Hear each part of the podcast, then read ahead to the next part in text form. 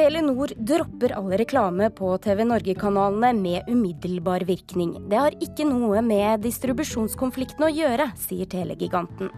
Forbrukerrådet beskylder datingappen Happen for å føre brukerne bak lyset. Personlig informasjon sendes videre. Filmen om Snåsamannen setter besøksrekord for en norsk dokumentarfilm på kino. Nå er den sett av over 74 000. Velkommen til Kulturnytt. Mitt navn er Stine Tråholt, og i denne sendingen så anmelder vi også årets Melodi Grand Prix-låter og jazzmusiker Tord Gustavsens nye plate. Telenor trekker altså alle sine reklamefilmer fra TV Norge og alle søsterkanalene. Flere annonsører vurderer nå verdien av å reklamere på kanalene, og det bekrefter mediebyråer NRK har vært i kontakt med. TV Norge-familien mistet brått rundt halvparten av seerne sine etter at de natt i går ikke ble enige med Telenor-eide Kanal Digital om en ny distribusjonsavtale. Det gikk jo veldig raskt, det der. Vi har fått sånn 4G fra Telenor, vet du.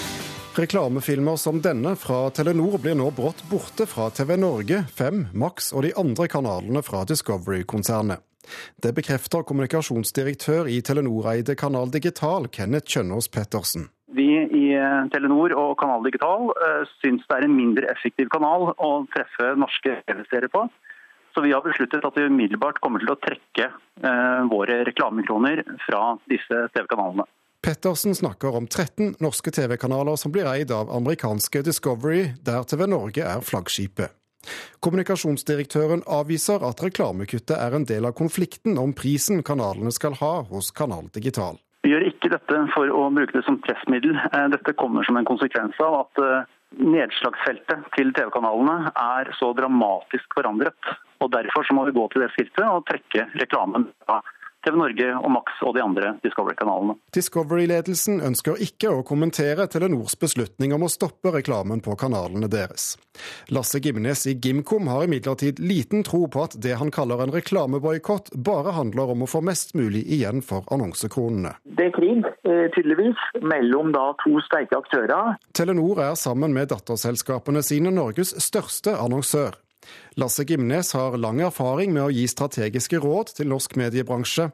Han sier det vil merkes når telegiganten holder igjen reklamekroner. Sånt gjør sitt til at de blør godt og taper millioner av kroner. Men de kan tillate seg å gjøre dette her i denne kampen, så lenge de mener at det er viktig. Så her er det snakk om to sterke aktører som kan være villige til å blø i mange dager fremover. Men særlig for TV Norge passer det svært dårlig med en lang konflikt nå. Mine damer og herrer, ta godt imot Stian Blipp! Seermagneten Ylvis er allerede godt i gang for sesongen. Men det venter flere sesongpremierer den nærmeste tiden som halve nasjonen nå ikke får tilgang til.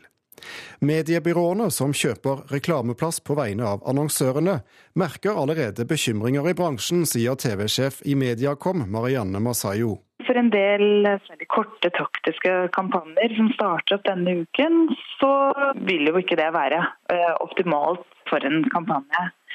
Og da må man lete etter andre løsninger. Også Morten Wiberg, TV-sjef i mediebyrået Karat, frykter konsekvensene for Discovery-kanalene dersom det ikke kommer en snarlig løsning på konflikten. Vi ser noen annonsører nå, eller mediebyråer, da, sjekker ut mulighetene for å legge penger over på TV 2 eller MTG, eh, altså om det er kapasitet på de kanalene. Det gjøres nå. Og så er det allerede noen som har begynt å flytte penger, men jeg tror ikke man har eh, sett de største endringene ennå. Det, det, kommer nok litt utover i uka eh, hvis, hvis man ser at denne konflikten kan vedvare. Thomas Alverstein Ove hadde laget denne saken. Reporter Petter Sommer, også avisene skriver mye om konflikten mellom Digital Digital og Kanal Digital og, og, Discovery, i dag. Ja, de ja. gjør det. Eh, alle avisene forsøker å forutse hvor lang eh, denne konflikten kommer til å, eller hvor lenge den kommer til å vare. Aftenposten leder vel der med og viser til eh, en gammel konflikt som varte til fra 2009 til 2013 omtrent. Så vi har jo en del igjen på den. Eh, men vi kan jo begynne med noe som eh, er litt rart både VG og Aftenposten har nemlig undersøkt eh, om kunder av Kanal Digital kan ha krav på å få pengene tilbake, nå som de ikke får alle tjenestene de har eh, betalt for. Og så har disse to avisene, VG og Aftenposten, kommet til helt ulik konklusjon på akkurat det spørsmålet. VG har intervjuet en postdoktorstipendiat på BI som mener man i utgangspunktet har krav på avslag i prisen, i hvert fall om TV-signalene blir borte en stund, en halv måned eller så, mens Aftenposten har lest de generelle avtalevilkårene og funnet ut at man ja, ikke har noe krav på å få pengene tilbake. Og så skriver Aftenposten en litt annen tankevekkende sak om TV-konflikten. Og det er det at eh, det kanskje ikke er så farlig at disse TV-signalene er borte, nå som det finnes så mange strømmetjenester å abonnere på. En grunnpakke fra eh, kabelselskapene koster ca. 400-500 kroner i måneden. Og det betyr jo at du kan abonnere på hele fem strømmetjenester for samme prisen, skriver Aftenposten da. Og fra dette så gjør vi et lite hopp vi til noen kjente toner fra rockens historie.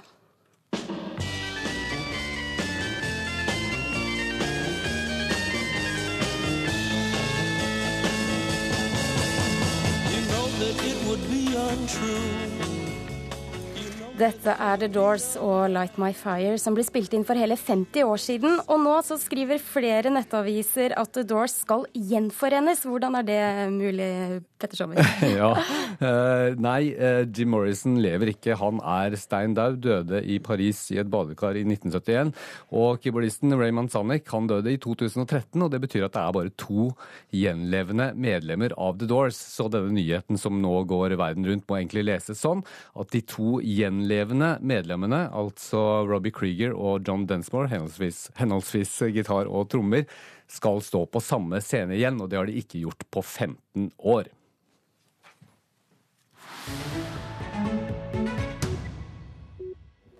Forbrukerrådet mener at den populære datingappen Happen fører brukerne bak lyset.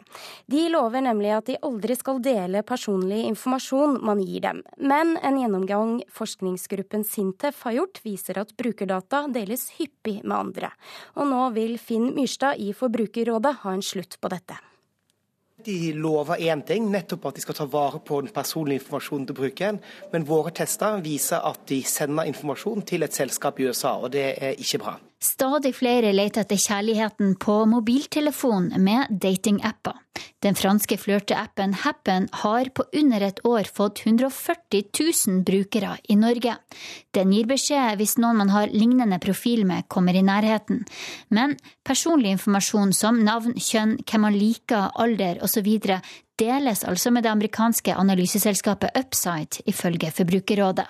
Stikk i strid med både egne løfter og norske lover, mener altså fagdirektør i Forbrukerrådet Finn Myrstad. Problemet er at eh, hvis du går inn på Happen sin nettside, så lover de at de ikke skal sende noe av den informasjonen til noen andre enn seg sjøl. Så det er et stort brudd på den eh, tilliten brukeren har til tjenesten. Er dette alvorlig, slik som dere ser det? Ja, vi mener det er veldig alvorlig. og Det bryter både med forventningene som forbrukerne har til tjenesten, men det bryter også sannsynligvis med veldig mange norske lover. Vi er i dialog med franske myndigheter og norske myndigheter, og kanskje til og med amerikanske myndigheter. Så vi ønsker at appen, den sjekkeappen, skal eh, endre vilkår, og så kan forbrukerne føle seg trygge når de bruker den appen eller andre apper. Happen avviser kritikken fra Forbrukerrådet. Det amerikanske analysebyrået Upside brukes av Happen internt kun for å forstå hvordan flørteappen brukes. Persondataene kan ikke leses av andre, skriver konsernsjef Didier Rapaport i en e-post til NRK.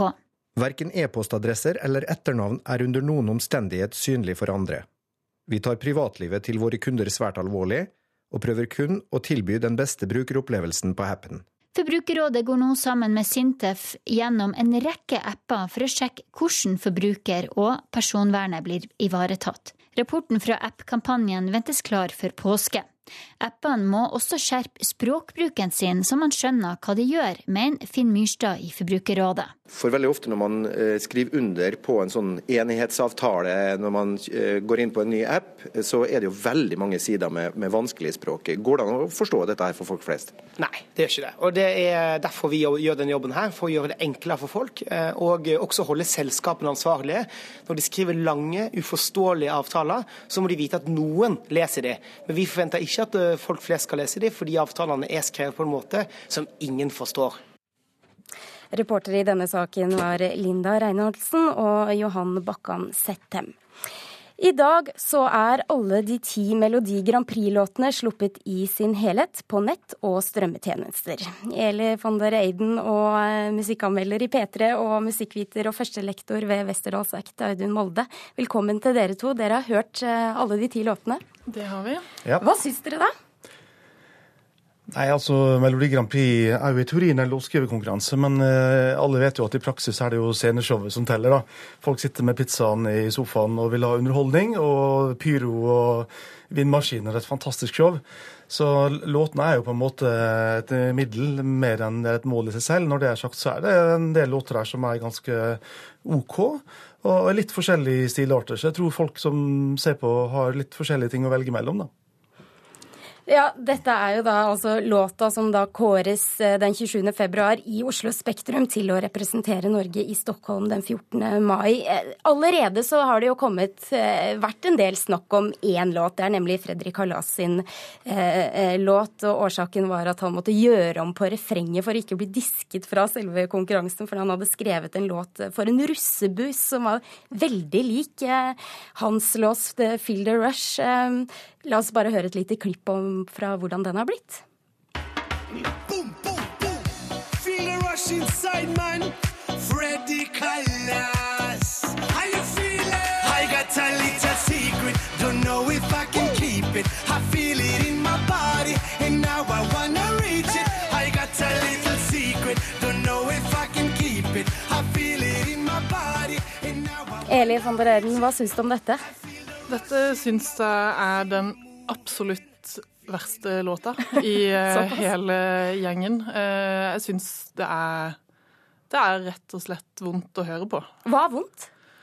Det er utrolig, det utrolig harry lydbildet, den påtatte karibiske aksenten. Og så er det så Freddy Kalas har jo lagd en del hits før, som i det minste har et sånn guilty pleasure-potensial. Ja, altså... Men her er det ingen formildende omstendigheter, altså. Men 'Pinne for landet' det er jo gått som en farsott, og han har virkelig truffet et publikum. Da, ja, ja, ja, og jeg tar gjerne en pinne for landet når som helst, men jeg tar ikke en pinne for den låta her. For jeg er helt enig med Eli, dette er bare crap. Jeg får lyst på en godt stekt pizza istedenfor. For en sånn låt skal være morsom. Den er jo ikke morsom i det hele tatt, den er bare trist. OK. Eh, da må vi nesten bare hoppe videre, tror jeg. Vi skal til faktisk en svensk-norsk artist. Eh, hun har bodd i, Sverige til hun var seks og er nå 20 år. Dette er Eloise.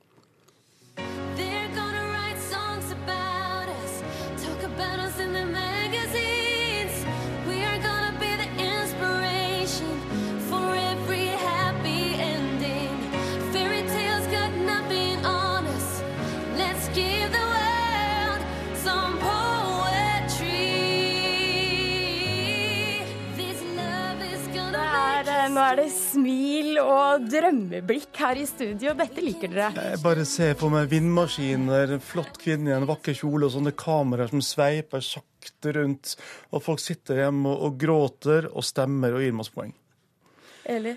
Ja, var, Det var ikke min sånn umiddelbare favoritt, men, eh, men denne har virkelig klistra seg eh, i løpet av de eh, to dagene det har gått siden jeg hørte den første gang. Og jeg tror hvis vi får, som Audun sier, vindmaskin og gjerne moderne dans, så tror jeg dette kan bli et helt nydelig eh, TV-øyeblikk. Og så er denne låten skrevet bl.a. av André Lindahl, et ukjent navn for de fleste. Men han har skrevet to låter på debutalbumet til Justin Bieber. Han har skrevet What Are Words for Chris Medina. Han har skrevet for Nelly Furtado for Kelly Clarkson. Michael J., som også har skrevet her, har skrevet låter for Celine Dion, for Kylie Minogue. Så her har vi låtskrivere som eh, har litt eh, klasse, faktisk. Ja, det er jo en låtskriverkonkurranse, dette yes. her. Men hva skal vi si om artisten Eloise? Jeg syns eh, at hun gjør en veldig bra jobb. Jeg håper at hun klarer å synge så bra live som hun gjør på, eh, på opptaket. Og så Jeg syns det er fint å se noen litt eh, nye fjes i Grand Prix. Det er jo også noen fjes som ikke er nye. Hør på dette. The way we chase that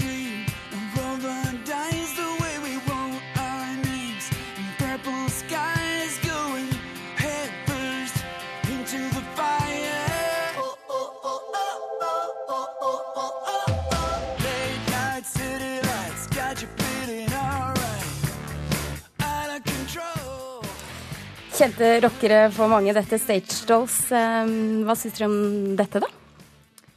Jeg syns eh, det er en ganske ålreit låt. Veldig fengende. Ehm, jeg syns det er litt sånn pussig, fordi det høres egentlig mest ut som et boyband, syns jeg.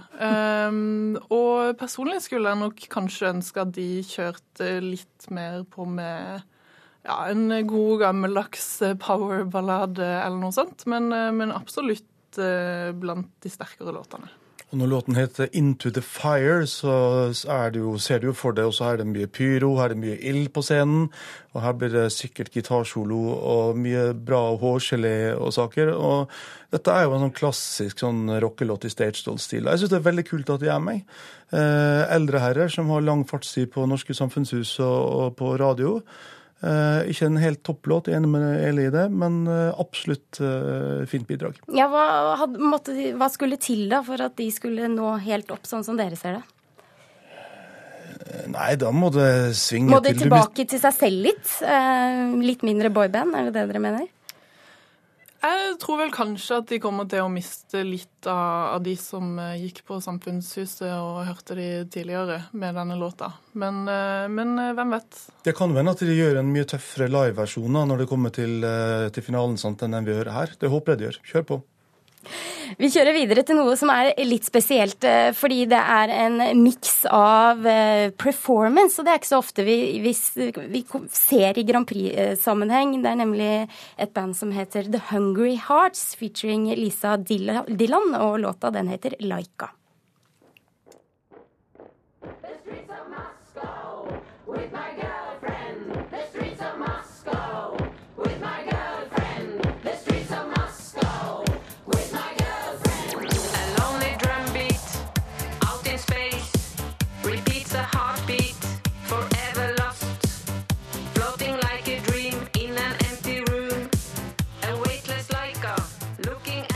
Skiller seg ganske kraftig fra de andre låtene vi har hørt. Dette liker du, Eli. Hvorfor det? Jeg syns det er helt nydelig. Det er absurd, det er kitschy. Det er også fengende. Og dette var, var, virkelig en av de låtene som stakk seg ut ved første gjennomlytting. Um, jeg syns det, det, er rett og slett veldig, veldig morsomt. Uh, og så har jeg, jeg har sett litt bilder på Instagram og den slags. og uh, det blir koreografi, og jeg gleder meg veldig til å se hvordan dette kommer til å se ut. Dette her er jo innertieren. Dette er jo eh, den som kommer inn fra sidelinja og er helt eh, absurd. Altså Disse greiene her de vil ta alle stemmene fra Aserbajdsjan og Turkmenistan og Slovenia og Slovakia og Bulgaria. Det er skreddersydd for det østeuropeiske markedet, og det er veldig morsomt. Og de kommer til å skrive norsk kulturhistorie hvis de går fra performance på Høstutstillingen, som de har gjort, til å vinne Grand Prix. Kort til slutt, hvem vinner av disse vi har plukket fram her nå, tror dere? Jeg håper Laika. Jeg håper også Laika, men det kan også hende at det blir uh, History hvis man er i humør for det. Flott. Tusen takk skal dere ha, Audun Molde og Eli von der Eiden. Du hører på Kulturnytt, og dette er nyhetsoverskriftene denne morgenen. Ted Cruz er republikansk vinner i det første nominasjonsvalget i USA. Blant demokratene er det dødt løp. Minst ti jenter under seksuell lavalder kom sammen med sine ektemenn til Norge i fjor. Det viser tall fra UDI. Det yngste blant dem er en jente på elleve år.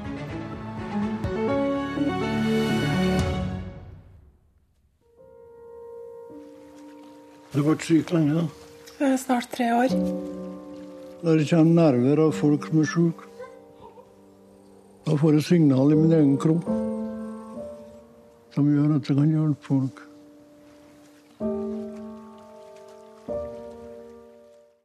Dokumentaren om Joralf Gjerstad setter rekord for et eh, norsk eh, dokumentarfilm. Til nå har den blitt sett av over 74 000, og i Trøndelag står man i kø for å se Mannen fra Snåsa. Det er helt fullt, dessverre. Det er fullt? Ja. OK. Jeg har to billetter. Det er helt fullt. Mannen fra Snåsa, dessverre. Det er helt fullt. Er det det? Det er, det helt fullt. Ikke litt rart for den har gått en stund nå? Jo, det er litt spesielt. Men Det er en bra film, da. Du trekker mye folk. Mye eldre. Vært bra kino dere nå? Ja, jeg har det. Søndag kveld var det utsolgt i Namsos, og på flere andre kinoer rundt om i Trøndelag har 'Mannen fra Snåsa' trukket folk som om det var den største filmen fra Hollywood de siste årene. Men dette er altså en nær norsk dokumentar om Joralf Gjerstad. Ja, det er jo Nord-Trøndelag som har et veldig, veldig høyt besøk på denne filmen, i tillegg til at den har hatt veldig godt besøk ellers i Norgeslandene. Eh, Til sammen faktisk eh, 74 000 besøk i Norge på ja, to helger og ei uke, så det er jo helt uh, utrolig bra.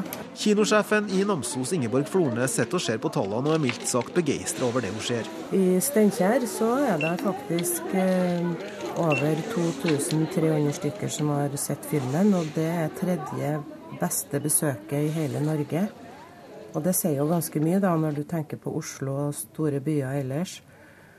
Verdalen har òg faktisk hatt over 1600 besøk, og det samme har eh, Kimen på Stjørdal. Og Namsos har hatt 1070 besøk. Og hadde dere hatt flere plasser, så hadde det vært mer besøk, for i går var det sikkert 100 som ikke slapp inn. ja, helt klart. Det er jo sånn. Fordi at uh, alle sammen har jo lyst til å se filmen så fort som mulig. Men vi skal jo selvfølgelig vise den så lenge at folk ønsker å se den. Så alle sammen skal få se den uansett. Det er helt sikkert. Også på Steinkjer er kinosjef Ketil Tronstad overraska over at filmen har slått til så til de grader godt. Helt unikt, sier kinosjefen. Nei, det er jo massivt, da. Det er masse folk på alle forestillingene som vi kjører. Vi har eh, stort sett kjørt to forestillinger hver dag, og det er masse folk på alle forestillingene, så det, det er artig. Det er jo tydeligvis en film som har mange årsaker til at folk ønsker å gå og se den. Og jeg tenker jo det at uh, her er vi i Joralf-land, da, for å si det litt uh, dumt på en måte. Men uh, det er jo en sannhet at veldig mange har et personlig forhold til Joralf Gjerstad. Ja, Det sa Ingeborg Flornes, som er kinosjef i Namsos, og reporter i denne saken var Kjartan Trana. Pianist Tord Gustavsen er en av få jazzmusikere som har klatret helt til topps på VG-lista. Nå er han ute med et nytt album, og på vokal så har han fått med seg en tysk-afghansk eh, stjerneskudd. Vi skal høre litt av henne her. Hun heter Simen Tander.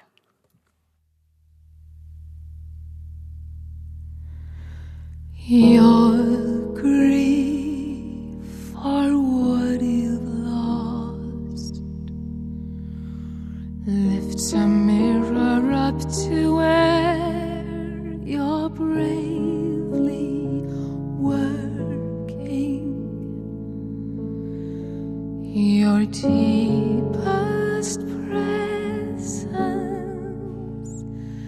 is in every small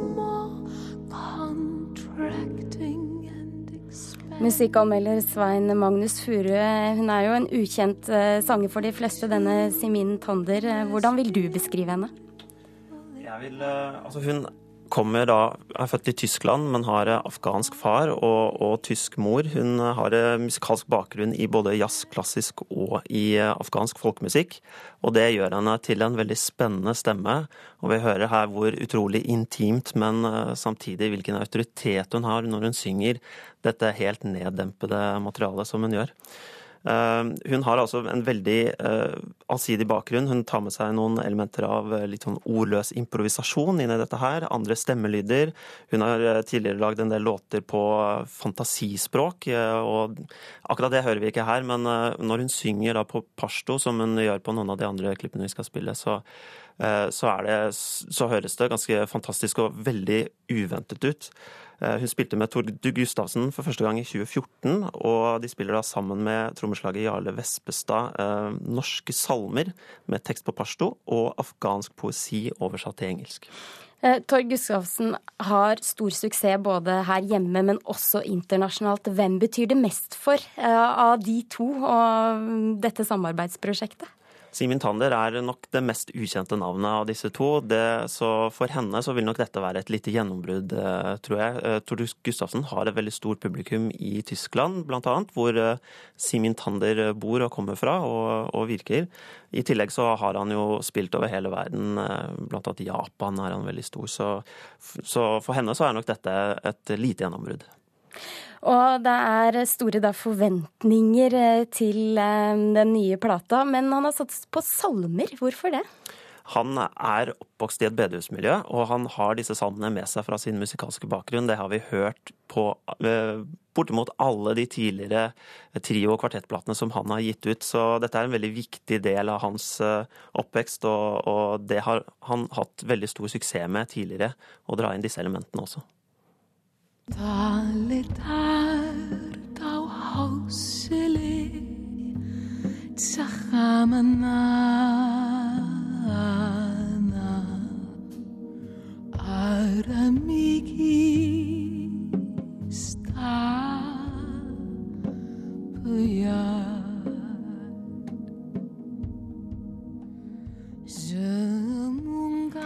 Her så synger hun altså da på pashto. Hva syns du om denne plata, Svein Magnus eh, Furu? Jo, den eh, går i litt det samme sporet som de fleste tidligere platene til Tord Gustavsen. Vi hører at det er et fantastisk godt håndverk, og det er veldig dyktige musikere som spiller sammen. Han har et eget håndlag med dette minimalistiske og veldig neddempede uttrykket. Eh, Men eh, det blir også noe litt ensformig. Eh, Låtene går mer eller mindre i samme tempo, med noen få unntak. Det er veldig mollstemt og veldig melankolsk, og det blir litt lite variasjon, syns jeg. I tillegg så hørte vi så vidt her at han tar i bruk synthesizere, som gir et lite hint av liksom new age, kanskje, og artister som han kanskje ikke vil forbindes med. Så det syns jeg ikke kler musikken så godt. Men eh, Simin Tander, eh, denne vokalisten, er et veldig spennende og nytt eh, navn, som, jeg- som jeg tar med meg videre, og som, som er et veldig spennende nytt bekjentskap. Kort til slutt, tolker jeg deg riktig når du sier at du kanskje ikke er helt, det svarer helt til forventningene? Ikke all, Jo, det svarte til forventningene, for det var akkurat det jeg hadde trodd skulle komme, men alt er ikke like bra, altså. Tusen takk skal du ha, Svein Magnus eh, Furu. Kulturnytt er over. Ansvarlig for denne sendingen var Lisa Stokke, og nå får du flere kulturnyheter utover dagen også på nrk.no kultur.